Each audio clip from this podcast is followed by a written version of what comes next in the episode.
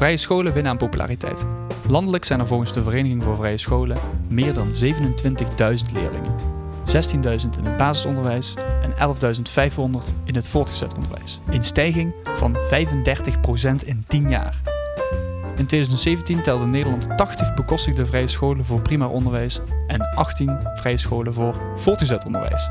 Deze scholen zijn aangesloten bij de Vereniging van Vrije Scholen. Maar hoe zit het met de verschillen tussen deze onderwijsvormen ten opzichte van het reguliere onderwijs? Kunnen leerlingen een achterstand oplopen op het gebied van rekenen en taal, wanneer er meer aandacht is voor handvaardigheid en eurythmie? En is dit onderwijs geschikt voor alle kinderen of alleen voor kinderen met een specifiek karakter? Vandaag gaan we in gesprek met een vrije schooldocent en medeontwikkelaar van het Vrije Schoolkompas, waarin de visie van het bijzondere onderwijssysteem uitgelegd wordt. Dit is Pedagogisch Verantwoord, de podcast over verhalen, meningen en de wetenschap achter opvoeden. Met Lars Limburg en Tijmen van den Beuken. Lars, Hi Tijmen, fijn om weer op te nemen. ja, ik, eh, ik denk dat dit een stukje sommige dingen samenvat wat we gaan doen, wat ik net heb voorgelezen, maar ook wat vragen oproept. Zeker, bij mij al meteen. Ja, vertel. Maar voordat we dat gaan doen, Tijmen, Oh ja, ja. hebben wij nog mededelingen? Ja, nou, eh, ik heb één mededeling en dat gaat over ons donatieplatform. Een aantal jaren hebben we daar mee gewerkt. Als luisteraars naar ons luisteren en denken van... hé, hey, de jongens, die wil ik steunen... dan kan dat nu ook via petje.af slash pedagogisch verantwoord. Dat ken ik wel volgens mij, ook van andere podcasts inderdaad. Die eh, maken daar ook gebruik van. Ja, dat wordt ook door meerdere podcasts ook gebruikt. Hè. Dan kun je dus via bepaalde pakketten of een eenmalige donatie... ons steunen, zodat we onze reiskosten kunnen dekken... onze techniek kunnen betalen. Want ja, Lars, daar gaat gewoon veel geld aan om. Ja, inderdaad. En we gaan inderdaad heel Nederland door om echt uit te vinden wat pedagogisch verantwoord is. Dat kost wel geld om dat te, kunnen doen. Ja, we hebben natuurlijk ook niet de illusie dat we heel erg rijk worden met podcasts. Want als je niet in de top 3 van Nederland zit, waar wij helaas nog niet deel van uitmaken, nee, precies. dan, eh, dan kun je gewoon niet leven van podcasts. Nee, en ons thema is heel erg specifiek, hè, Tijmen. En dat hebben we ook geaccepteerd. We vinden het gewoon een mooi thema. Maar het is, niet, het is ook niet voor iedereen eh, natuurlijk, deze podcast. Nee, klopt. En omdat we het ook gewoon echt gewoon willen maken met deze kwaliteit en dat we ook gewoon inderdaad naar onze gasten toe kunnen reizen, zouden we het heel erg op prijs stellen als jullie met een kleine bijdrage, het maakt niet uit hoeveel, ons willen steunen via petje.af slash pedagogisch verantwoord. En als je daar naartoe gaat, dan zie je alle mogelijkheden wat je kan doen. En wellicht ook de dingen die je dan misschien nog voor terug kan krijgen als je voor bepaalde pakketten kiest. Petje.af slash pedagogisch verantwoord. Duidelijk. Goed Lars, eh, buiten onze commerciële kant eh, Ja. moeten we nu naar de, gaan we nu naar de inhoud. Ja, en die is interessant vandaag, het vrije schoolonderwijs. Eh, We hebben natuurlijk ook een, een visie over dat scholen pedagogisch verantwoord zouden moeten zijn. Hè? Er gebeurt daar niet Ja. alleen leren, maar er wordt ook opgevoed. En dit vrije schoolonderwijs is een van die, die vormen van onderwijs waar ik een soort van gevoel bij heb. Waar ik wel enthousiast van word en tegelijkertijd ook wel denk van, werkt dat wel zo op die manier? Ja, dus ik, ik merk een tegenstelling bij jou. Ja, nee, precies. Ja, want je voelt wel dat ze best wel een mooie idee hebben over eh, hoe je kinderen zou kunnen opvoeden op school. Alleen het lijkt ook op soms een beetje vaag hoe ze dat dan voor zich zien of zo. Ja, en ik heb ook echt zin in om dat samen met jou nu dadelijk te gaan ontdekken. Van, is het nou echt zo vaag zoals jij denkt of sommige mensen denken? Of kan het ook echt heel erg concreet worden uitgelegd? Wat is nou die achterliggende gedachte van de vrije school? Want er hangt natuurlijk heel veel filosofie, misschien zelfs spiritualiteit achter. Waar toch blijkbaar veel ouders tot aangetrokken worden. Dat Ja. zie je ook in de cijfers terug. Hè? Want heel veel mensen kiezen voor die vrije school. Ja. Maar ook, hè, nog even om dat te benoemen, waarom we dat in deze podcast weer gaan bespreken. Hè? We hebben een aantal afleveringen geleden ook het Dalton-onderwijs besproken. En we vinden dat heel belangrijk om ook een keer af en toe die onderwijssystemen onder de loep te nemen. Omdat daar gebeurt het ook, hè? Ja, en ook omdat ouders moeten gaan kiezen hè, voor, voor hun kinderen. Toch? Ja. de kinderen kan nu nog niet zelf kiezen echt. Ja, je kan wel in gesprek gaan misschien, maar toch niet echt. Daar zit ook heel veel pedagogische hè, visie achter. Achter die keuze om naar een school te gaan. Want past die school bij jouw eigen manier en jouw eigen visie van opvoeden? Vind je dat die school het beste met jouw kind voor heeft naar jouw idee? Dus daar komt heel veel opvoeding bij kijken en heel veel keuze is er natuurlijk als je gaat kijken welke schoolsysteem. En wij willen er ook achter komen welk schoolsysteem is daadwerkelijk pedagogisch verantwoord. Ja, en je vertelde al even de gast van vandaag dat dat een vrij schooldocent is en een medeontwikkelaar van het Vrije School Kompas, eh, waar dus de visie wordt uitgelegd. Dus hij heeft daaraan bijgedragen. En dat is Marijn Ruhaak. En die gaan wij straks spreken in de rubriek Deskundig Verantwoord. En daarvoor reizen wij af naar een vrije school in Amsterdam, een middelbare vrije school. Daar zijn wij te gast. En dat is wel mooi, Lars, hè? want dan zitten we weer in de praktijk. Wellicht misschien tussen de kinderen, dat horen we daar eigenlijk vanzelf. Ja, inderdaad. Die achtergrondgeluiden zijn altijd wel passend. Hè? En dan gaat Marijn ons hopelijk meer vertellen over die vrije school en wat die visie zo bijzonder maakt. Maar Lars, voordat we daar überhaupt naartoe gaan, wil ik eerst naar de... De uitspraak van de week. De kern van de vrije schoolmethode is dat onderwijs een kunst is. Het moet aansluiten bij de ervaring van het kind. Om het hele kind op te voeden, moeten zijn hart en zijn wil worden bereikt, evenals de geest. En dit zei Rudolf Steiner, Oostenrijkse esotericus, schrijver, architect en filosoof. Hij had meerdere petten. En Rudolf Steiner heeft natuurlijk ook het vrije schoolonderwijs opgericht. Ja, dus ik kon eigenlijk geen andere eh, quote kiezen dan een van Rudolf Steiner. Dit bevestigt een beetje wat ik zei in onze introductie. Van, eh, het klinkt meteen heel erg vaag en in de lucht. Heb Ja. dat niet ook? Ja, ik heb dat ook wel. Maar dat zou voor een deel ook komen doordat ik niet op deze manier ben opgevoed. En dat ik niet op een vrije school heb gezeten. Want wellicht, als ik daarop had gezeten en ik had al deze termen al een keer gehoord, dan had ik hier misschien veel enthousiaster op gereageerd. Ja, want had jij een beeld van de vrije school? Ik, eh, mijn vriendin heeft op de vrije school gezeten, dus ik had al best wel wat info. Ja. Maar jij had best wel blanco, denk ik, dat jij erin ging. Had jij een beeld? Nou, mijn beeld van de vrije school is denk ik volledig gevormd door mijn eh, studie pedagogiek die ik gevolgd heb. En daar hebben we natuurlijk ook allerlei onderwijsmethodes besproken in het vak onderwijskunde. Ik zie de vrije school als een soort spirituele manier van naar de wereld kijken, een soort levensvisie, waarin je dus aan de hand van allerlei rituelen in een klas, hè, met, met liederen, met symbolen, naar een bepaald doel toewerkt. Hè. Dat is dus ook de, de zelfstandigheid en de persoonsvorming van de kinderen zelf. Antroposofie staat daarboven dan, hè? Ja, dat, Ja, dat is, dat is de, de filosofische stroming hè, Ja. van, de, van de vrije school, antroposofie. Dat zijn mensen die dus bij de natuur leven, dus proberen zoveel mogelijk het balans te zoeken tussen de natuur en het geestelijke of zo. Hè. Dus, dus toch echt wel die, die spiritualiteit komt er echt wel in voor. Ja. En dan ligt het natuurlijk aan per school in hoeverre dat terugkomt. Maar ik ben in mijn studie eh, heb ik een vrije school in Duitsland bezocht. Hm. Ja, daar had je ook echt allemaal van die tuinen rondom de school, waar de kinderen dan eh, in werkten. De gebouwen hadden allemaal bepaalde vormen. En sommige docenten zagen er ook gewoon ja, bijzonder uit. Anders uit. Ja, er was één vrouw, die, die, ja, die, zag ik, die zag ik. En het eerste beeld dat in me opkwam was een, een soort tovenaar of zo, een tovenares. Want ze had echt een mantel, had ze echt aan. En een staf had ze ook. Zij, zij leerde iets over, ze leerde de kinderen iets over kruiden en zo. En over... Ze had een staf. Daar kon ze niet eh, spreuken mee Nee, dat niet, op, opwerpen of zo. Nee, nee, dat volgens Nee, mij... dit, is, dit, is wat je, dit is wat je snel krijgt dan, als je zoiets noemt. Dan Ja, ja, niet alle docenten liepen daar zo rond uiteraard. Maar er was één docent die liep daar zo rond. Ik, dat vond ik toch wel best wel bijzonder. En schijnbaar is dat dus ook iets uit antroposofie. Dat, dat de mensen er eh, zo uit kunnen zien. Maar dat is mijn beeld van de vrije school. Maar Ja. volgens mij is dat niet helemaal maar weer correct van wat het altijd en overal is. Het verschilt volgens mij ook echt per school en per locatie waar dat dus, eh, of hoe dat dus wordt eh, naar buiten gebracht. Ja, inderdaad. En de info die ik dan had, ook om even terug te komen op de quote. Ja. Waar ik enthousiast van werd, was het idee van dat niet alleen de geest gestimuleerd moet worden bij een kind, maar ook het hart en de wil, zeg maar. En ik had toevallig in aanloop naar deze aflevering een filmpje gezien. En daar zeiden ze dat er geen gat opgevuld moet worden bij kinderen, maar je moet een soort spark aanspreken. Hè? Je moet iets laten ontstaan bij een kind. Dus, poeh. Dat is een natuurlijk enthousiasme. ja, dat dat erin zit, inderdaad. En nou, dat spreekt mij wel aan. Meer dan, dan alleen maar op die geest, hè? wat bij heel veel andere scholen toch gebeurt. Ja, en ik ben ook wel benieuwd, eh, want, eh, want de vrije school is nog steeds gebaseerd op het gedachtegoed van deze Rudolf Steiner.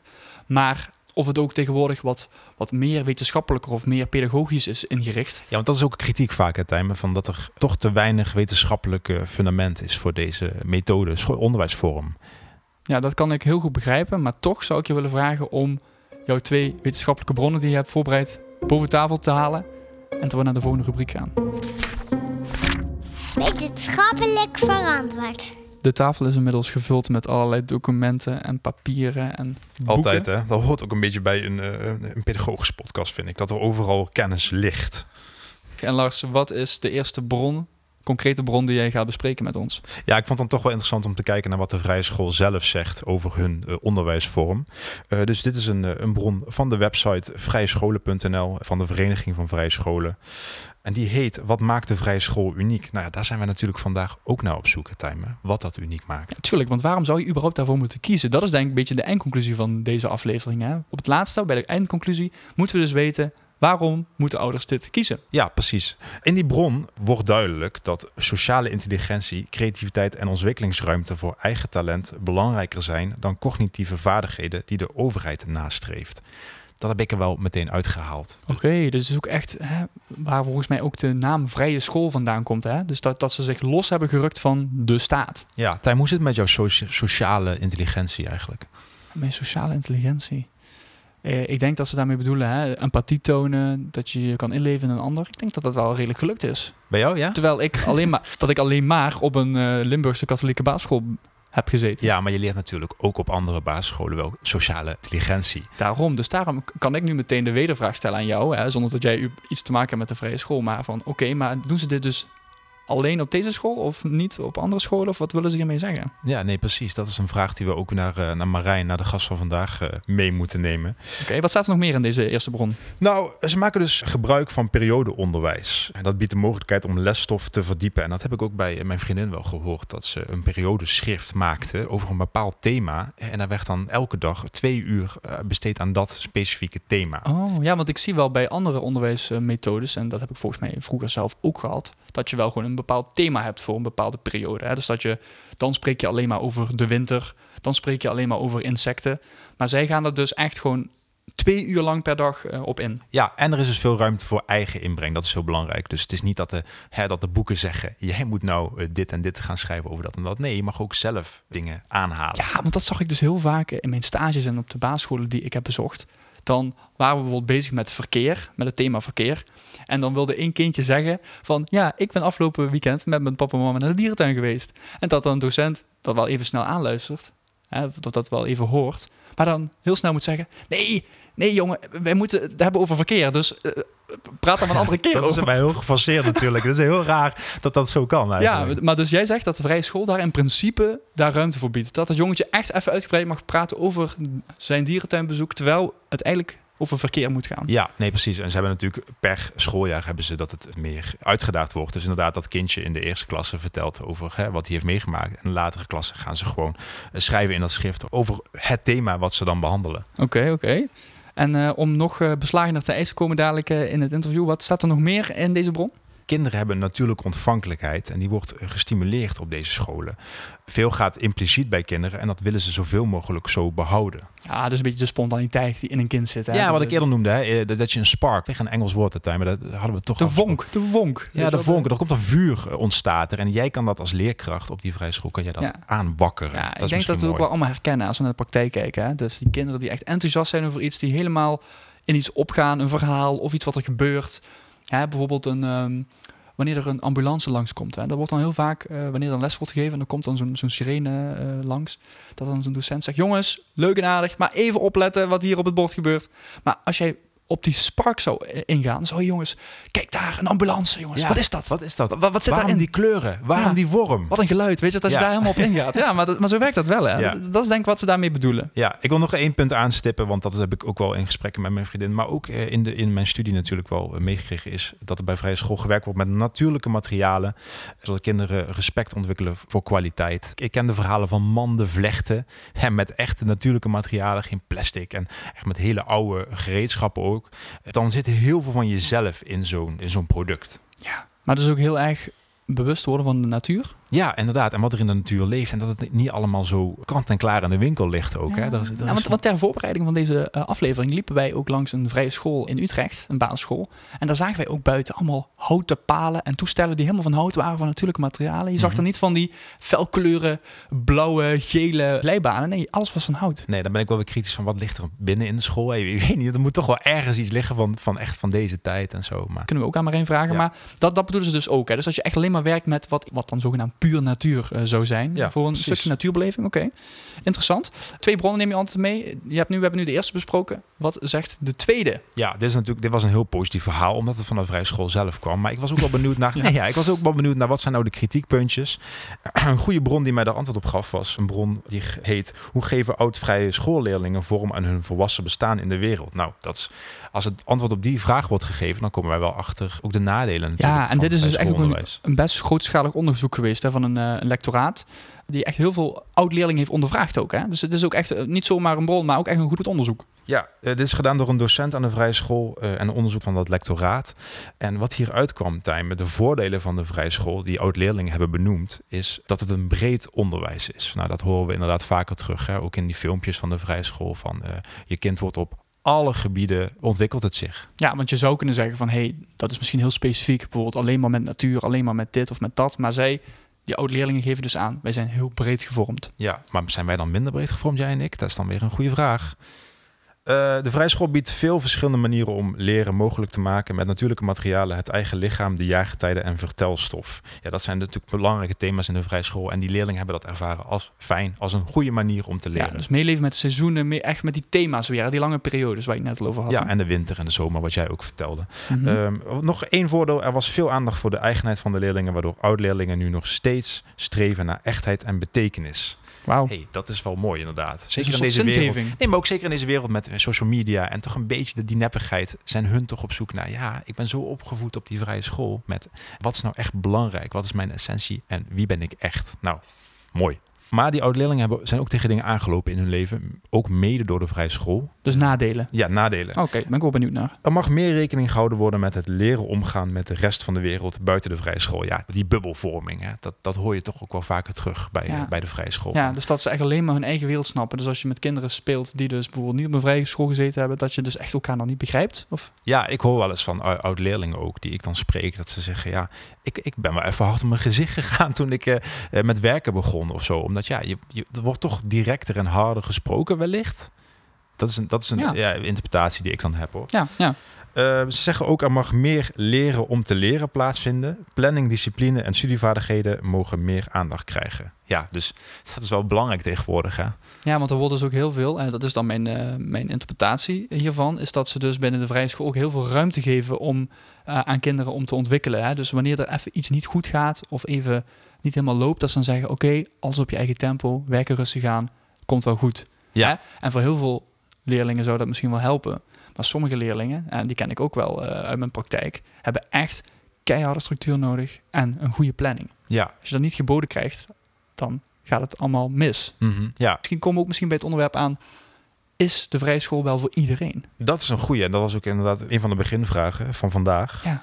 Wat tenslotte nog eh, goed is om te zeggen, soms ervaren oude leerlingen zoveel keuzevrijheid dat ze eindeloos hun opties konden overwegen. Dit was vermoeiend. Ja, dat kan ik me voorstellen Vermoeiend. inderdaad. Nee, maar je kan, eh, als je zo erg, zo breed gaat kijken naar wat vind ik ervan, wat voel ik erbij, wat vindt mijn omgeving, Ja. wat zegt de natuur, ja, dan, dan kun je blijven denken over welke keuze je moet maken. Terwijl ook in Nederland, hè, wij zijn toch wel van, nou, je moet wel gewoon op een gegeven moment iets kiezen. Hè? Je kan niet eindeloos je opties eh, afwegen. En om even realistisch naar de maatschappij te kijken waar deze kinderen allemaal straks in gaan fungeren. Je kan niet alles doen. Je moet op een gegeven moment toch één baan kiezen, Ja. één opleiding. Ja. Zeker. Dus er zijn eindeloze mogelijkheden, maar er moeten wel beslissingen in gemaakt worden. Want anders dan verdrink je in de mogelijkheden. Dat is Ja. ook niet goed. Nee. Aan toch, als ik dit zo hoor, hè, eh, een kleine conclusie van... ik vind het toch belangrijker dat je echt goed je opties afweegt... dan zomaar iets kiest. En dat is natuurlijk heel zwart-wit, hè? Maar dat vind ik wel mooi aan deze eh, onderwijsvorm. Dat Ja. ze toch wel, ja, ze geven daar aandacht aan. Lars, ik denk dat wij heel veel informatie hebben verzameld. Hè, de voor- en nadelen van de vrije school. En wat de vrije school zelf beoogt te behalen. En ik denk dat we deze vragen allemaal mee moeten nemen in de trein naar Amsterdam, naar Marijn, naar een vrije school. Om daar haar te ondervragen. Ja, we moeten nog heel veel inpakken, maar we gaan, eh, we gaan op weg.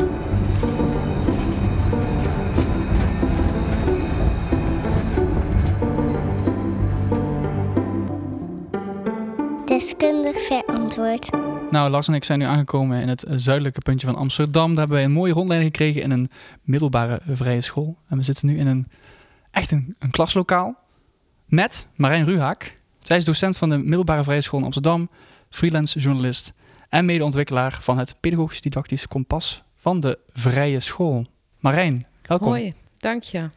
Fijn dat ik hier eh, mag zijn. Zeker, we vinden het heel leuk dat, Dat, we met jullie jou... hier zijn eigenlijk.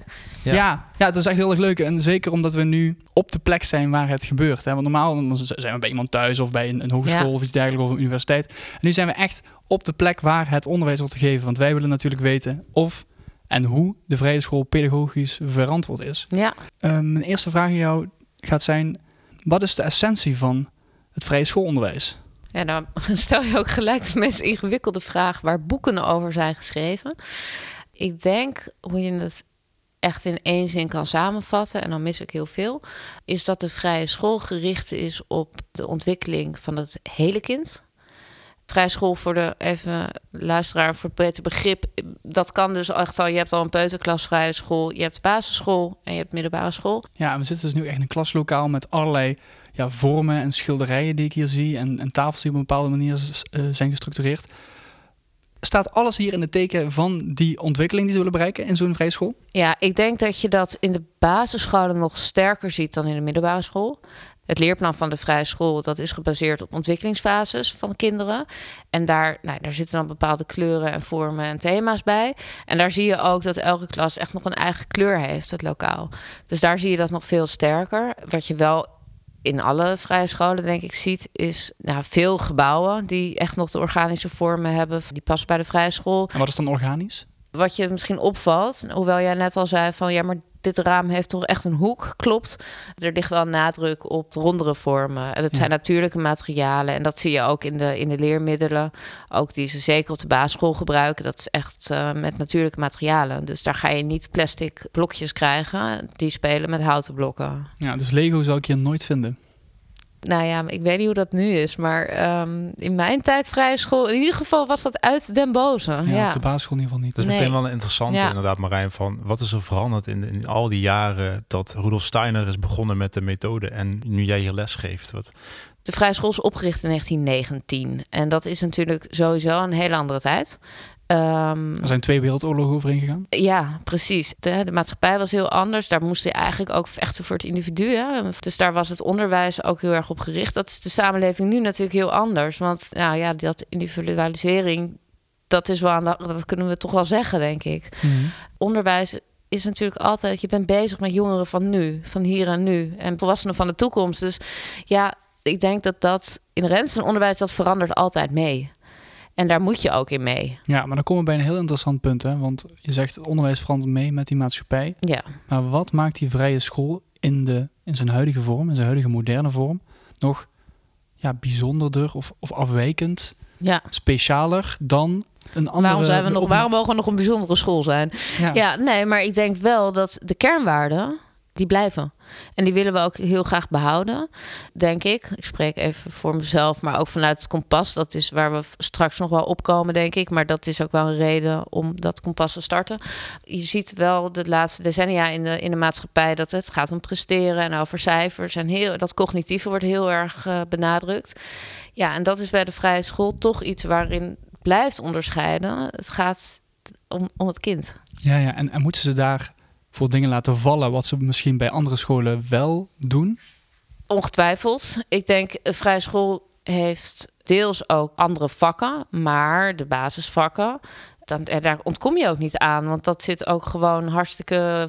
Kijk, we zijn vrije school, maar niet meer vrij van overheidsbemoeienis. Uh, dus wij moeten gewoon uh, de doelen halen en de eisen. En daar wordt er gewoon de, de gewone vakken bij. Het lijkt me ook dat, dat het waarde heeft voor elk kind om meer die aandacht voor de persoonlijke ontwikkeling te krijgen hè, op zo'n school, op de vrije school. Maar is het niet wel zo dat, dat het niet voor iedereen goed werkt, het vrije schoolsysteem? Er zullen ongetwijfeld heel veel kinderen zijn waarvoor de ene school beter is dan de andere school. Hè. Tuurlijk, ik bedoel, elk kind heeft eigen behoeftes. Maar in, in de basis is het wel zo dat de vrije school, juist omdat je zo kijkt naar wat heeft dit kind op dit moment nodig, dat het wel toegankelijk moet zijn voor brede doelgroep. Ja, ja, want we hebben dus uh, net in de wetenschappelijk verantwoord rubriek hebben we een paar bronnen besproken en waarin Lars ook weer met een interessant feitje kwam, waarin dus sommige oud vrije schoolleerlingen aangaven. Dat is al 30 jaar, dat moeten we nog steeds erbij zeggen, oh. Tijmen, dat hun ervaringen waren van 30 jaar geleden, maar ja. het was wel een recent onderzoek. Dus ja, gingen dus wel nu die dat vragen is stellen. zeg maar net als ze ik. zijn oud. Ja. Ja, ze zijn, zijn al uh, volwassen in ieder geval. Ja. Mensen. Ja. Maar die gaven aan dat, dat ze in hun tijd, zeg maar, dat er wat minder aandacht was voor echt op tijd je werk afmaken, plannen. En wanneer ze bijvoorbeeld ergens moeite mee hadden, nou dan was dat gewoon oké. En nu is het dus zo, wanneer ze dus in een werkleven zitten, dan moeten ze dus gewoon deadlines halen en presteren. En ja, daar hebben ze dus moeite mee, omdat ze dat nooit echt geleerd hebben. Herken jij dat? Ja, grappig. Ik stam ook een beetje uit die generatie. En ik heb natuurlijk zelf ook op de vrije school gezeten. Um, nu is het wel zo dat ja, ik ben best wel streng. Zelf, zeg maar nu uit de praktijk, nu hoe ik in mijn lessen, mijn deadlines zijn wel deadlines. Je moet wel een goede reden hebben om uh, die deadline niet te halen. En die reden kan er zijn, hè? En dat, daar hoef je echt niet voor drie weken in het ziekenhuis te liggen. En soms Ja. is het beter voor een leerling om te zeggen, nou, doe het maar wat later. Want dat is hè, voor, de, voor de leerling in geheel beter. Dus Ja. in die zin wel. Maar Ja, maar dat is in het Ja. normale leven ook natuurlijk. Hè? Ja. Als, ik, als ik op mijn werk aan zou geven van ja, Het gaat het werk zit me niet. echt tot hier. Ja. Ik, ik kan gewoon niet meer presteren. Nou, dan gaat een moderne, hè, denk, ik denk normale baas ook echt niet zeggen van ja, kom op, werken. Nou, die zullen er zeker wel zijn, maar hè, van- vanuit het, eh, het goede uitgaande.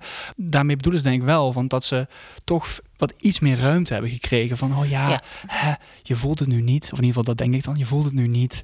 Dus Ja, Laat maar nou in die gaan. zin moet ik wel zeggen, en dat vind ik echt een hele erva- andere ervaring nu. Als ik zie wat die leerlingen allemaal moeten, dat is echt nou niet te vergelijken met in mijn tijd. Ik kan me voorstellen dat in die tijd dat dingen wat minder strak waren, dat dat wel zo is. Aan de andere kant, in de hele hippie-tijd denk ik dat het in heel veel onderwijsvormen zo was. Ja, ja, precies. Dat is dan niet dat je de jaren 60, 70 gedachtegoed Precies. van alles is oké Ja. en eh, iedereen mag er zijn. Dus of dat Ehm. nou echt heel erg kenmerkend aan de vrije school is, durf ik niet te Ja, zeggen. je geeft dus meer de maatschappij de schuld dan de school zelf. Ik durf niet te zeggen van nou dat is nou echt een duidelijk nadeel wat ik in de vrije school ervaar. Nee. We moeten ook even over de positieve dingen hebben. Die zijn er natuurlijk ook. Wat is volgens jou, we hebben we hebben natuurlijk al een paar dingen benoemd in het onderzoek, maar wat is volgens jou echt het grootste voordeel wat die kinderen meenemen na hun toekomstige leven, wat ze hier geleerd hebben? Je luistert naar Pedagogisch Verantwoord. De podcast over verhalen, meningen en de wetenschap achter opvoeden. Het is wel grappig, ik kan wel een voorbeeld geven. Want we hadden natuurlijk nu net de eindexamenpraatjes. En eh, afscheid van de eindexamenleerlingen. En ik had een leerling. En die heeft een ontzettende ontwikkeling meegemaakt. eh, hier op school. Van echt een heel perfectionistisch meisje. Er ontzettend zichzelf tegengekomen daarin. Ging echt de tijd helemaal niet goed met haar. Heeft op een gegeven moment haar passie ontdekt. En voor de wetenschap. Ze dacht altijd dat ze een soort hoge danscarrière, maar dat ging eigenlijk alleen maar over prestatie en het plezier. En die passie was eigenlijk al lang weg. Heeft toen met het maken van haar profielwerkstuk over cijferloos onderwijs. Ehm, ja, Passend. waar ze een team voor kreeg. Dus dat was wel weer ironisch. Maar, eh, en allemaal genomineerd werd voor allemaal dingen. Maar ehm, Dat zou niks te maken hebben dat het wel gewoon passend bij eh nou, wat maar hier ik heb het gezegd. begeleid. En het grappige is dat ik merkte dat zij... Zij bloeide helemaal op. Omdat ze het vond... Ze, ze ontdekte dat ze eigenlijk heel nieuwsgierig was... naar hoe dingen eh, werkten. Maar ook die wetenschap. Ze had onwijs veel bronnen. En ze kon ook niet stoppen. Omdat ze zei... Ik zei van ja, het is nu gewoon af, hè? En dan, ja, maar ik vind dit interessant. En die heeft helemaal de passie gevonden. En ik denk dat dat wel... Ik zeg niet dat het op een andere school niet was gebeurd. Maar hoe ik dat zo zie... Ze heeft natuurlijk altijd wel in een omgeving... eh, is ze geweest waarin er ook naar haar gekeken werd, naar wat zij nodig had. We zagen ook echt dat het niet goed met haar ging. Terwijl die cijfers waren prima. Hè, sterker nog, die had de hoogste cijfers van de klas. Dus het is niet in een rapportvergadering, zouden ze niet eens een bespreekgeval zijn. Wat waren de signalen dan even voor? Nou, dat ze misschien te perfectionistisch was. Dat, ze, dat we merkten dat ze echt heel veel met school bezig was. En dat die glans in haar ogen verdween. Best wel lang verbonden met die kinderen. Ik ken die kinderen al sinds... Nou, ik heb hun in de derde klas gekregen tot en met het eindexamen. Die mentor, die blijft ook al die tijd bij zich. En dat is natuurlijk bij hun. En dat is niet voor niks. Dat is om ja, die pedagogische relatie ook aan te kunnen gaan. Ehm, Waar wij ook een aflevering over hebben gehad, trouwens. Oh ja, voor de verbindingen. Oh ja, ja. Nou, show notes, link. Zeker, ja. zeker. maar die verbinding tussen docent en leerling, ja, die vinden wij heel belangrijk. Want daardoor kan je dat ook zien. Want als zo'n meisje elk jaar in een nieuwe klas komt met een nieuwe docent, dan ja, voordat je dat een keer ziet, moet je zo'n kind ook kennen. En moet je ook zien dat hij verandert. Want dat is ook uniek toch op, op de vrije Ja. school dat je met Ja. eh, de mentor eh, dat hij meegaat. Ja, en je Ja. klas ook. Hè, je wisselt zo, blijven zitten, ook echt zo min mogelijk. Op de basisschool zelfs helemaal niet, volgens mij. En je houdt je klas en je mentor. En dat is echt om die reden dat je ook aan een veilige omgeving, maar ook dat je echt gezien kan worden. Ja, het is echt samen groeien, groeien Ja. naar een bepaald Ja, punt. En dat is ook wat ik tegen haar zei. Wij hebben als eh, motto van deze school is worden wie je bent. Dat is inmiddels gekaapt door Randstad, geloof ik. Maar dat is ons motto. en ja, heel jammer. maar zij is geworden wie ze is.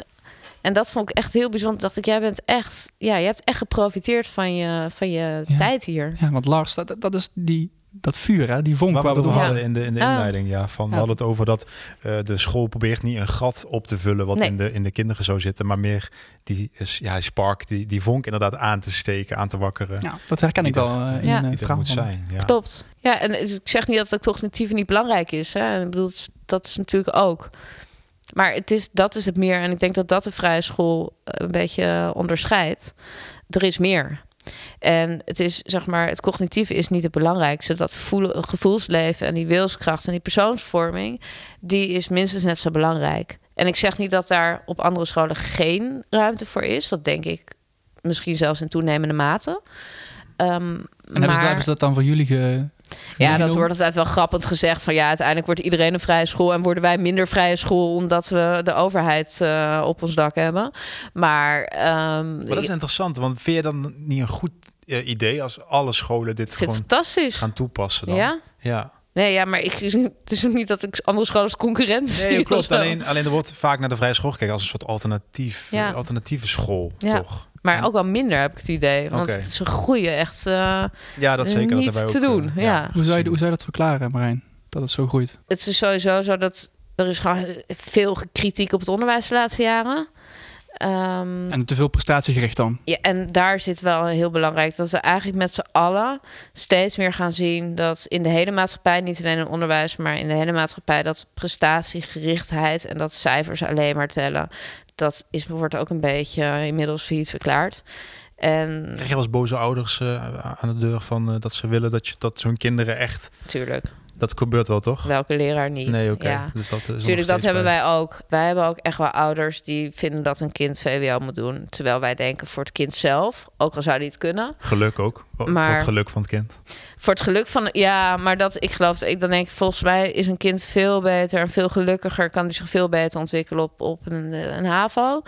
Of juist andersom, hè? van nou, de HAVO, maar volgens mij is VWO, kom je daar beter tot bloeien. En dan gaat het niet alleen maar om de cognitieve uh, vaardigheden, maar voor de ontwikkeling.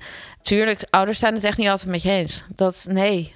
Maar ik denk wel dat het bij ons, ouders weten ook wel voor welke school ze kiezen. Ja, je weet waar je aan begint. Zeg maar. Ja, als jij echt, uh, bedoel, dan moet je niet. Ja, we hebben ook Nee. geen gymnasium of zo. Nee, nee, nee, precies. Dus je hebt echt alleen die, die, die vaste die vaste niveaus en daar ga je dus... Uh, dus Je hebt gewoon MAVA of VWO. Ja, ja, punt. En dat is wel interessant wat je dat zegt, hè? want ouders maken die keuze. En, en ouders die kiezen dus ook voor hè, de, de algehele visie die om de vrije school heen uh, draait eigenlijk. Hè? Ja. Daar proberen ze zich, hopelijk verdiepen ze zich daar een beetje in. En de, voor de vrije school is dat dan, hè, wordt dat dan genoemd de antroposofie. Hè? Dat is de, de, de, ligt een grondslag van de, van de vrije school. Ja. In hoeverre is dat nog zichtbaar in deze school, dat antroposofische? Ik vertelde in het, in het intro-stukje dat ik naar een, uh, een Duitse vrije school ben geweest. Ja.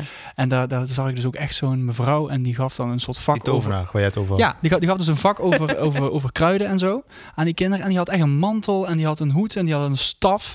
En toen dacht ik van oké, okay, misschien is het interessant om jou te vragen, lopen die mensen hier ook rond? Uh, nou, ik vind het heel leuk, maar ik denk gelijk aan Harry Potter. Maar, um, ja, dat was ja, een ik beetje Gandalf-achtig, ja. daar was ik aan, aan nee, denken. Dit, dit is geen herkenbaar, maar ook niet uit uh, twintig jaar geleden toen ik op de vrije school zat. Nee, dat... Uh, dus dat, dat, is niet iets wat, wat erbij hoort. Dat is echt iets van die school dan. Uh. Nee, en het is antroposofische de menskunde en zo. Dat is natuurlijk wat ik net ook allemaal vertelde. Dat komt daaruit voort.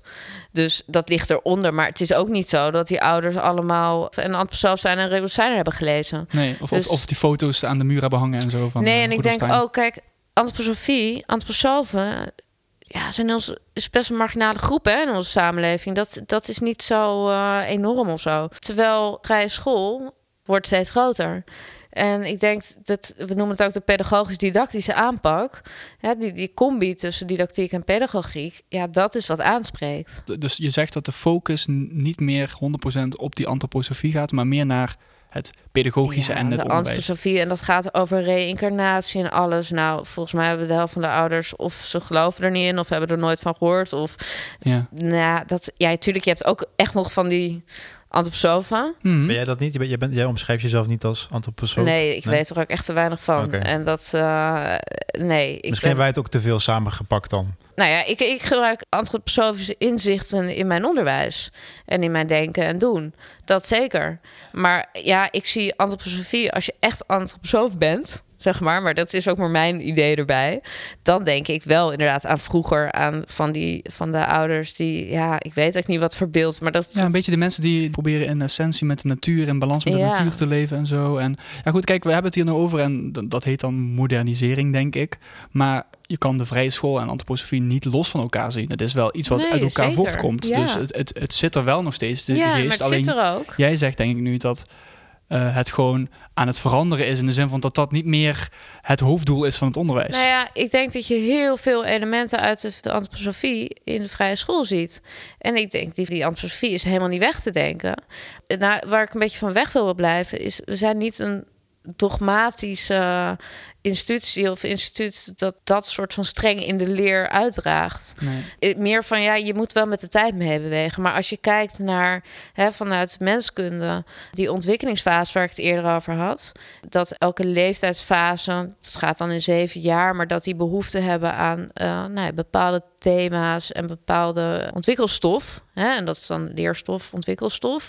Dat, is, dat staat hartstikke centraal, want alle periodeonderwijs, jaarfeest, thema's eh, in, in bepaalde jaren, dat, dat staat allemaal wel redelijk vast. Dit is pedagogisch verantwoord. Met Lars Limburg en Timer van den Beuken. Maar het is wel belangrijk, Tijmen, want dat we hier het aandacht aan besteden. Want ik denk dat veel luisteraars en ouders die misschien de keuze gaan maken... Hè, naar welke school gaat mijn kind... die hebben wel een soort beeld bij de vrije school, toch? En, Mm. ja, Van je mag alles. Want Ja, dat ja, dat hoor ik inderdaad. vaak, Ja, dat hè? is niet waar vrij vandaan komt. Hè? nee, dat nee, hebben wij nee. ook... Nee, eh, dat, dat hebben we Nee. besproken, maar dat hoor je dan wel bij ouders als je het over hebt. Nee, nee, want daar, daar, daar mogen kinderen dan op de stoel staan of zo. Nee, maar dat, Nee, ze mogen bij mij best wel eens op een stoel staan, maar dat heeft niks met vrije school te maken. nee, nee, precies. Nee, eh, nee, dat zit er helemaal niet in. En ik denk wat je. Het is ook niet zo dat als je hier hè, je kind op school laat gaan, dat jij een soort van eh, boek van Rudolf Steiner krijgt en zegt: verdiep dit eerst maar. En als je hier akkoord mee gaat, dan mag je je kind hier. Nee, iedereen mag naar de vrije school. Wat jij in de praktijk ziet, kijk, dat zijn vanuit de antroposofie vormgegeven onderdelen of elementen. En daar kan je iets van vinden. Die kan je fijn vinden en passen bij je kind of niet. Of hè, da- daar heb je een ervaring bij. Waar dat uit voortkomt, ik vraag me altijd een beetje af van in hoeverre ouders dat ook echt weten. En ik denk wel globaal, maar ja, die hebben Rudolf Steiner niet gelezen. nee, nee, nee Echt dat, niet. eh, heb ik komen ook heel niet. veel andere dingen. Gewoon, die komen voor het brede onderwijs. Nou ja, voor de, voor, voor, wat het te natuur. bieden heeft. Ja. En dat is wel antroposofie. Alleen dat dat dan zo heet en waar dat precies die hele leer... Antroposofie is echt een hele uitgebreide, complexe leer. Ja, daar zijn wij nog elke dag mee bezig om dat uit te vinden. Nou, dat hebben die ouders echt niet gedaan. Als we dan toch hebben over het moderne uh, vrij schoolonderwijs, is het goed dat we jou spreken, want jij bent dus ook bezig met dat kompas. Ja, Kun je daar iets over vertellen? wat wij merken is dat de, hè, de vrije school is populair. Er komen heel veel nieuwe docenten, ook docenten die echt niet antroposofisch geschoold zijn. Ehm, maar er zijn wel vrije school pabo's, toch? Die zijn er. Ja, maar het is niet zo dat, dat je met een reguliere pabo niet op vrije school kan werken en op middelbare school helemaal niet. Nou, dat is wel mooi om te weten voor de docenten die Ja. misschien nu luisteren en denken... hé, hey, ik wil daar lesgeven, Ja. maar ik heb geen... eh, maar je hoeft het dus geen speciale vrije school nou ja, goed, dat is natuurlijk wel. En dat hangt denk ik ook een beetje vanaf hoe hard je nodig bent. Eh, laten we heel eerlijk zijn, onderwijstekort, lerarentekort is ook gewoon heel groot. Ja. Ook op de Eh, vrij school. Ook op de vrije Mhm. school, ja. Maar ik, basisschool weet ik niet precies, maar ik weet wel op de middelbare school. Ja, de mensen hebben gewoon een reguliere school gedaan, hebben gestudeerd en komen hier werken. Dus het is niet dat die nou specifiek allemaal uh, antroposofisch geschoold zijn. Ja. En wat wij merken is dat, nou, ik noem het altijd de oude garde, die verdwijnt een beetje. Hè? Die gaan ook met pensioen. En, Die mensen met die mantels. de- nou, dat. In Duitsland. hè. maar nog wel meer de traditie van de vrije school kennen en uitdragen. En dat willen we heel graag behouden. We willen heel graag behouden hè, die periode onderwijs, et cetera. En ik denk ook dat ook op het moment dat je gaat vernieuwen, je moet wel weten waar het vandaan komt. En waarom doen wij wat we doen? Wat, wat is de reden dat we een bepaalde periode in een bepaald jaar aanbieden? Want als je weet waarom je iets doet en waar het vandaan komt, dan kan je daar ook een keuze in maken van, nou, dan ga ik het zo aanpakken. Of dan hè, bij deze tijd past dit en dit en dit. Maar je moet wel eerst weten wat je doet. En dat kompas wil eigenlijk, er is ontzettend veel informatie over de vrije school. Maar ook heel erg versnipperd. Op allemaal websites, publicaties. Dan weer een podcast hier. Dan weer een, een krantartikel daar. Ja, je kan natuurlijk altijd Rudolf Steiner gaan lezen. En alle ook bewerking die reïncarnatie daarvoor. weer tegen en al die Nou dingen. ja, dat en bovendien, het is gewoon nog een pittig stof. Ja. Dus ik bedoel, ik vind het ook best wel lastig om, die, uh, om dat door te werken. Dus dat ga je Ja. niet realiseren. En het gevaar is dat dan het hele vrije school gedachtegoed toch gaat verwateren. Dat we ook niet meer helemaal weten waarom we iets doen. Ja. Uh, en dat willen we niet. Dus wat willen we? We willen eigenlijk alle informatie samenbrengen, maar ook wat is de vrije school anno nu? Want ook als je publicaties van 100 jaar geleden gaat lezen, ja, fantastisch. Maar dat was een hele andere samenleving. Dus zo'n kompas moet bijvoorbeeld heel concreet zijn, maar Ja. ook weer zo eh, breed geformuleerd dat wel elke vrije school daar zijn eigen invulling Ja. voor kan geven. Maar ja, dat, wat wij doen, we hebben, er zijn dan acht uitgangspunten. Die baseren we natuurlijk gewoon op de literatuur. Ja. Acht uitgangspunten van de vrije school die nou, echt gewoon de basis zijn. En dat komt natuurlijk allemaal uit de antroposofie. En dat gaat dan over het mensbeeld, maar ook over de autonomie van de leraar, die is heel belangrijk. Maar ook de pedagogisch-didactische relatie. Nou ja, zo zijn er eh, kunstzinnig onderwijs, eh, dat is dan een thema. Dus we hebben zeg maar uitgangspunten en daar hebben we dan thema's onder gehangen. Dus die thema's die je gewoon werken met beelden. Heel belangrijk in de vrije school en ondersteunt heel erg die uitgangspunten. Nou, die leggen we dan weer uit. En wat we eigenlijk bij die uitgangspunten doen, is dat we eerst de vraag stellen: wat zie je? Wat zie je in de huidige praktijk als je het hebt over autonomie? Wat zie je in de huidige praktijk? Nou, daar zie je dat leraren vaak zelf materiaal ontwikkelen, zelf in lessen. En zeker op de basisschool. Dat leerlingen dat zelf verwerken in een schrift en dat ze niet Ja. een boekje hebben. Nou, de volgende vraag is dan: waarom doen we wat we doen? Dus wat is daar überhaupt de zin van? Want je kan wel zeggen: ja, op de vrije school hebben we geen boeken. Wat trouwens niet helemaal zo is hoor, maar hè. Ehm, maar jullie werken wel met minder boeken dan een reguliere ja, school. nou zeker op de basisschool. Ja, ja dat gebruiken ze minder boeken. Ja, dat kan je wel leuk als idee hebben, maar dan is het ook gewoon wel leuk om te weten waarom. Dus dat Ja. gaan we dan even uitleggen. En dan vervolgens, wat betekent dat voor jou als leraar in de praktijk? Want het gedachtegoed kan fantastisch zijn. En je kan het er helemaal mee eens zijn. en Je weet waarom je iets doet. Maar hoe ga je dat dan doen? Hoe ga je pedagogisch didactisch verbinden met een leerling? Hoe Ja. doe je dat? ja.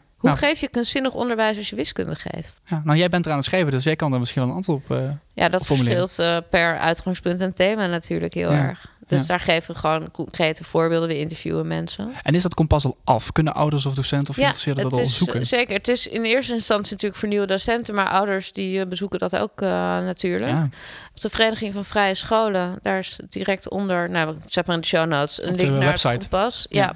En we hebben nu vier uitgangspunten en zoveel thema's ook, geloof ik. En dat, nou, we zijn dus in de maak, maar we wilden niet wachten tot het helemaal eh, klaar was. Het vierde uitgangspunt als autonomie, die is nu net af. En dan komt de volgende, is eh, die, ja, vitaliteit en Het is wel verbinding. goed dat tegen het einde van deze podcast timen mensen erachter komen dat er een manier is om het nog sneller eigen te maken en de versnipperde onderdelen allemaal op één ja, plek maar ja, te goed. zien. Kijk, in zo'n podcast kan je natuurlijk niet. We kunnen nu niet Nee, in een uur de hele vrije school samenvatten. Want dit, we werken hier al twee jaar aan. En Mhm. elk uitgangspunt is ook wel wat tekst. Ja, nee, daarom. Dus als Dus- mensen daar Nee, maar voor mensen Ja. om het te lezen is het interessant. Maar Ja. vrijschool blijft gewoon ook voor ons, voor Tijm en mij, een, een thema waar, we, waar onze fantasie op van hol gaat slaan en waar we gewoon het over moesten hebben. Een Ja, keer. snap ik. En Maar hebben jullie een beter beeld ook zo van de vrije school? Of blijft het nog steeds een heel... Het is namelijk zoveel. Ja, ik vind het heel leuk dat je dat vraagt hoor. Want het is natuurlijk altijd goed om dit soort gesprekken te hebben. Want daardoor krijgen we ook allemaal die, die details. Hè? Ja. Er zijn allemaal die kleine details waar we ons iets bij kunnen voorstellen. En waar Ja. we dus ten eerste onze kennis van onze studies eh, op kunnen loslaten. Ja. Maar ook onze eigen ervaringen. Ja. Zo van, hé, hey, die, die minder boeken of die bepaalde klaslokalen of die vormen. Dat hebben wij allemaal niet zo gehad. En zelfs een krijtbord, wat ik hier ook zie. Hè? Eh, Ja, de dat klaslokaal is had nog gewoon een weer krijtbord. Dat is toch wel interessant. Natuurlijke materiaal. Nou moet je eens op de basisschool. Daar maken ze hele mooie tekeningen. Ja, maar dat, dat ken ik helemaal niet. Want dit- toen ik eh, in groep 8 zat, en dan spreken we natuurlijk over 2008, dat is al een tijdje geleden, maar to- toen begon die, dat digibord begon de klaslokaal in te komen. En dan zie ik hier nu, in, in, in 2021, nu we dit opnemen, zie ik gewoon hier een krijtbord. Vind ik wel In interessant. Dus er zit iets achter. Ja. Ja, dus, dus dat vind jij ik dan was wel kritisch toch op het begin. Jij, jij wist niet zo goed of de school wel voldeed aan al die dingen. Daar had jij wel gedachten over. Nou, ik, ik ben altijd wel kritisch als het gaat over of iets nog wel past bij deze tijd. Of kinderen en jongeren wel op een gelijkwaardige manier, hè, dus op dezelfde manier zoals andere kinderen, de kans krijgen om te ontwikkelen. En dat kritische pedagoog in mij, die gaat dan gewoon vragen stellen van, hey, is het nog wel allemaal hè, ook wetenschappelijk verantwoord? Hè? Want dat is misschien ook wel interessant om er even, daarom even naar terug te gaan. Hè? Ehm, de kritiek die de vrije school altijd krijgt, is dat het toch niet zo wetenschappelijk onderbouwd is. Dat het toch veel gaat inderdaad over die filosofie, over die uh, gedachtegoed van Rudolf Steiner, maar dat het niet echt allemaal één op één uit een boekje komt, uh, of in ieder geval uit onderzoek komt. dat is waar. Uh, kijk, Rudolf Steiner was natuurlijk geen wetenschapper. Je luistert nog steeds naar pedagogisch verantwoord. Was een denker, hè? een visionair. Ja, dus laten we de pedagogiek ingaan. Dus het is niet vanuit de wetenschap bedacht, deze onderwijsvorm. Nee. Ondertussen is het wel zo dat wat de vrije school nu is... en En wat oplevert eigenlijk, de effecten, gevolgen voor, voor kinderen. Want ik denk dat het juist nu, juist eigenlijk nu, vrije school echt een bijdrage levert in deze maatschappij. Omdat je echt mensen opvoedt tot hele mensen en niet meer tot hokjes en, en, en denkmachines. Dus ook echt die Dus ja, persoonsvorming die buiten dat ja, preste- en ik denk dat is juist in toenamende mate is dat, is dat belangrijk. Dus ik, het idee van vrije school is achterhaald, dat zie ik eigenlijk echt helemaal niet.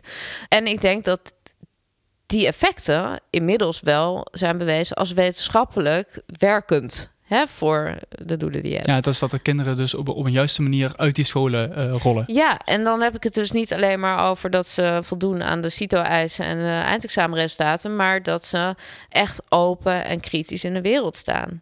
En ik denk ook dat je op het moment dat je, als nu, hè, nou, dat zijn het van die grappige gedachtenspelletjes van, hey, je hebt met een directeur en je hebt drie sollicitanten. En ze hebben allemaal gewoon dezelfde cognitieve kennis en opleiding gehad. Ja, waar kijk je dan naar?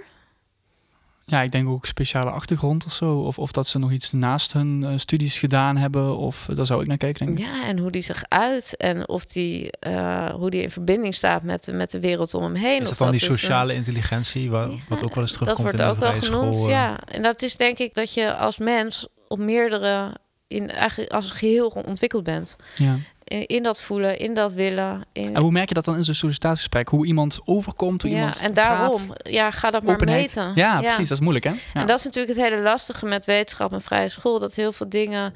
En dat is ook met zo'n eindexamen. Dat, ja, je, dat is gewoon niet. Ja, hoe meet je dat? Ja, heeft met intuïtie te maken ook. Ja, dat is ook gewoon ja. En worden wie je bent, waar we het En ook worden wie je hadden. bent. Ja, want hoe- Volgens mij is dat trouwens van, So- eh, van eh, Aristoteles zelfs. Dat zou zomaar kunnen.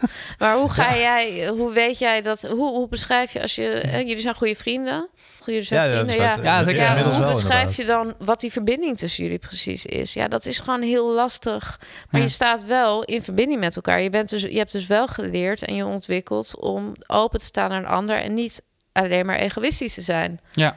Want het gaat niet alleen om jou, Ja, het gaat ook om de eh, wereld om je heen. Als je, als je gaat lasten met de poen vandoor hier. eh. Ja, daar hebben we goede met de afspraken over apparatuur. gemaakt. Nee, maar, Nou dan, ja, nee, nee, maar maar wij staan ook in verbinding wel- en wij willen inderdaad ook het, het, het beste voor elkaar. Ja, dat is, dat en is ik denk dat wel, het wel essentieel is. Want ook op een vrije school, je doet natuurlijk veel in klassenverband en met zo'n mentor en veel samen ook. En, Ja. en buiten, om ook gewoon echt in verbinding met de wereld en de mensen om je heen. Het gaat niet kijk, worden om jij, wie jij bent en volwassen worden, maar volwassen worden in de wereld om je heen, in verbinding met die wereld om je heen. En ja, dat levert dan toch wat volledige mensen op. Of nou ja, hè, dat, daar, daar, daar probeer je aan bij te dragen. Ja. Ik vind het eigenlijk een heel mooi slotstuk. Maar ik had toch nog wel een vraagje. want- maar ja, die Ehm, raakt nooit uitgepraat. nee, nee, zeker. Maar ik was vooral geïnteresseerd in jouw persoonlijke ervaring. Heb Oh, jij ja. vroeger iemand gehad die die vlam in jou, of die vonk in jou aanwakkerde qua eh, leren en qua... eh, ja. En Rudolf Steiner is geen goed antwoord. Nee, Nee, maar niet. ik moet eerlijk zeggen, als jij op school zit, je hebt eigenlijk niet eens een idee wie Rudolf Steiner is hoor. Ja, dat kan aan mij hebben gelegen. Maar kijk, dat is natuurlijk als leerling. Ja, je ziet gewoon. Ik, het is pas toen ik hier kwam werken. En Jullie tekenen niet gezichtjes op zijn foto die er soms hangt of zo. Dat, en wel, wij hebben voor ons, dat vertel ik net, voor onze examenstunt hebben we de foto van Rudolf Steiner vervangen door de foto van de rector. Maar En is dat, is dat geen, eh, geen godslastering in dit, eh, in dit huis? Nou, volgens mij werd vooral heel hard om gelachen. maar, ehm, nee, maar ehm, ik heb in Dordrecht heb ik op de basisschool gezeten voordat ik verhuisde. En daar had ik dus de hele basisschool dezelfde klassejuf, heette dat dan. Hè, mentor. En, en dezelfde klas. En ja, dat verwatert. Hoewel ik van eigenlijk mijn beste vrienden komen nog van hier van school. Maar van die tijd, omdat ik ook verhuisde, verwaterd dat. Je bent eh, elf. Ehm, en eh, nu was die klassejuffrouw, die was overleden. En ineens die klas weer bij elkaar in een groep, met elkaar contact, allemaal via WhatsApp, want het was corona. Maar toch weer herinneringen delen. Mensen die nog tekeningen hadden en stukjes van haar. En dat je dan ineens bedenkt, ja, zij is zo belangrijk geweest in je ontwikkeling. Omdat zij heeft zo, zij weet zo, of ze wist zoveel van mij als, als kind. Ze heeft zo'n belangrijke periode meegeleefd. Dus ik denk dat. En van later weet ik wel hier op de middelbare school dan... dat er echt wel docenten zijn geweest. Nou, de liefde voor literatuur is mij hierbij gebracht. En voor schrijven. Oh. Ja, Maar die zat er, maar die is inderdaad aangewakkerd. ja je Zo moet moet het je wel het zien, ontdekken. toch? ja. je, moet het, je moet het ontdekken. Je weet, kijk, je, je wordt geboren met allemaal kwaliteiten en talenten. Maar je moet wel ergens het ook kunnen ervaren, de vrijheid hebben om te fouten te maken, maar ook kunnen ervaren van wat, wat jou, wie jij bent. Ja. En hier wordt er ook gewoon, daarom hebben we ook al die kunstzinnige vakken, zodat het, het spreekt alles aan. Je krijgt de ruimte. Ja, je krijgt de ruimte en het, het spreekt alles aan. Ook je, je- ja, je- we zeggen dan het hoofd, hart, handen. Nou, hoofd is duidelijk, denken. Maar ook het hart en de, en de handen. Mooi, eh, mooi Marijn. Even om wat mensen verder op weg te helpen. Ja.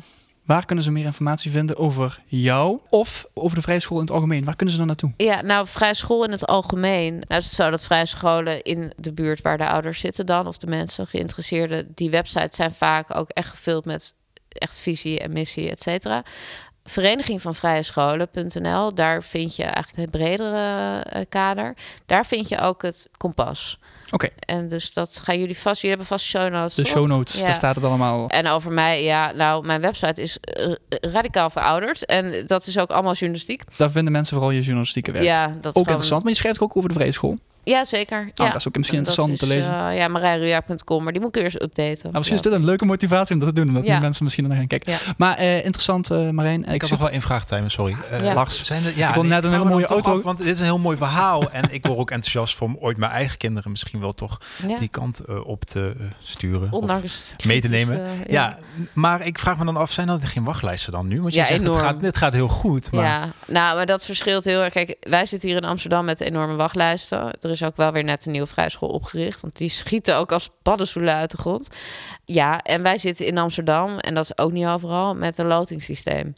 Kinderen moeten hier twaalf scholen opgeven en dan worden ze ergens geloot. Dus het Ja. is sowieso een bizar systeem. Maar dat is lang niet overal. Dus dat hangt heel erg van af waar je woont. Dus ja, dat, dat, is wel eh, antwoord op mijn vraag. Ja, ik ja. vroeg, me dan toch wel af en dat als het toch zo goed gaat. En eh, ja, of jouw kinderen nog een kans krijgen. Nou ja, dat is misschien. natuurlijk op dat je ze nu al moet aanmelden Ja. voor ze geboren zijn. Ja. nou, het ja. is wel dat ik weet wel van hier ook die kinderdagverblijven en die kleuterscholen. Dat is echt op het moment dat het geboren wordt, dan is ongeveer zodra het mag, zeg maar, eh, wordt ingeschreven. Ja, Nou, we zullen zien waar de toekomst ons brengt. Eh, Marijn, dankjewel. ja graag gedaan. Je luistert naar Pedagogisch Verantwoord. We zijn inmiddels eh, terug in Utrecht, waar we aan de kade aan het water zitten. jawel. Midden in de zon, heerlijk Lars. En eh, ik denk dat het even tijd is om een conclusie te trekken van deze hele brede aflevering. De vraag die blijft liggen is wat, is, wat kun je nou echt gebruiken van de informatie van vandaag? Zijn er dingen niet besproken die jij nog wel eh, aan de kaak had willen stellen, Lars? Nou ja, we zijn op zich best wel kritisch geweest volgens mij op het vrije schoolonderwijs. En, eh, en, en wat, wat, ja, wat zou ook de nadelen zijn. Ik denk dat Marijn daar ook wel eerlijk over is geweest. Ik zou gewoon willen weten hoe zo'n dag op de vrije school nou eigenlijk gaat. Ik denk dat ik een vliegje in het lokaal zou willen zijn. Misschien kun je dat een keer voorstellen. Kun je gewoon vragen aan zo'n school, mag ik eens een keer een dag meelopen? Ik bedoel, je bent toch wel pedagoog? ja, nee, dus en dan zeg zeker je- als jouw kinderen daar uiteindelijk naartoe gaan. eh, Dan wil je natuurlijk ook weten wat, hoe dat gaat, hè, zo'n Ja, dag. en vaak gaat het ook wel makkelijk. En dan, dan kun je gewoon zo'n gesprek aanvragen en zo. Ja. Maar volgens Marijn is er ook best wel veel vraag naar eh, de vrije school. Dus er, er staan wacht, Ja, wachtlijsten want jij te maakte de grap van, eh, hè, moet je je kinderen voor de geboorte al aanmelden? Ik moet dat dus wel doen uiteindelijk, Ja, als ik dat wil. Je dat wil wel, ja. Maar, maar ben je echt overtuigd, Lars? Ga jij jouw kinderen naar de vrije school sturen? Nou ja, niet per se de vrije school, maar ik ga wel alle scholen eens naast elkaar leggen. Wat wij nu eigenlijk in de podcast doen. Eh, en eens kijken, wat, wat is nou, eh, waar is die aandacht voor de hele persoon beoefend? Ah, en op de vrije school, eh, letterlijk, het gaat over de ontwikkeling van de gehele persoon. Ja, want dat vind je ook wel echt heel belangrijk. Ik vind dat heel belangrijk, ja. En Zeker, eh, ik vind cognitie natuurlijk belangrijk. Je moet stimuleren, die basisvaardigheden. Maar er is ook zoiets als het echte eh, persoon. De echte persoon. En eh, daar gaat het op de vrije school wel over. Ja, het is ook wel grappig om te vertellen, Lars, is dat op het einde, toen onze microfoons uitstonden, want dan worden natuurlijk ook hele interessante dingen gezegd, waar wij De, de achteraf. Waar achteraf weer van balen, van stond die microfoon maar aan. Ja. Maar zij vond het ook wel even belangrijk om te vermelden dat er natuurlijk ook veel verschillende soorten namen voor het vrije schoolonderwijs eh rondbazuinen. Ja, rondgaan. precies. Want in Duitsland bijvoorbeeld heet het alternatief Schule in plaats van vrije. Maar het is Ja. eigenlijk hetzelfde. Je hebt Waldorfscholen. Waldorf, uh, Waldorfschule, ja, dat is dus... Steinerscholen. Ja, Steinerscholen inderdaad. En wij kennen het als vrije scholen. Maar al die namen staan gewoon voor hetzelfde. Ja. En dat is namelijk die, eh, die methode van het gehele kind. Ja, en dat is wel even belangrijk om, eh, om dat te benoemen. Nou, we hebben superveel onderwerpen behandeld die heel belangrijk zijn en die ook wel de vrije school eh, duiden. Maar omdat het zo'n breed onderwerp is, ja, zijn er ook nog heel veel vragen die ik nog had willen stellen, maar die, waar ik geen tijd voor heb. En wellicht kan dat in de toekomst wel, hè, want er gaan natuurlijk meerdere onderwijsstromingen behandelen. Om inderdaad dat brede beeld te creëren. Zodat ouders echt een soort van keuze kunnen maken. Ja, en het je is ook wat Marijn zei. Hè, van je kan natuurlijk op, dat, op die website van het Kompas en van de vrije, Vereniging van Vrije Scholen kijken als ouder. Eh, maar ik denk wel dat vandaag een, een, een mooi inkijkje is gegeven in, eh, in hoe zo'n docent het dan eh, ziet. Hè? Ja, precies. En daar willen we nogmaals Marijn hartstikke voor bedanken. Marijn Ruaaks, ook haar, haar website staat in de show notes. En ook waar je haar vrije schoolkompas kan opzoeken. Nou Lars, ik denk dat we genoeg besproken hebben. Ik denk dat er genoeg kennis beschikbaar is, hè? ook in onze show notes. En mocht jij als luisteraar nou denken, nou, deze twee jongens hebben weer hele interessante thema's aan het licht gebracht. Daar wil ik ze in ondersteunen, daar wil ik aan bijdragen. Doe dat hè, alsjeblieft. Dan kan dat via de donatieknop in de, de show notes of op onze website pedagogischverantwoord.nl. En eh, dan wil ik als laatste Lars jij nog bedanken voor eh, weer deze rit. Hè? Ja, zeker ja. Ik ben, weer, eh, ik ben weer in mijn gehele persoon ben ik weer gegroeid. Mensen, blijf alsjeblieft zoveel mogelijk. Pedagogisch verantwoord. Tot de volgende keer.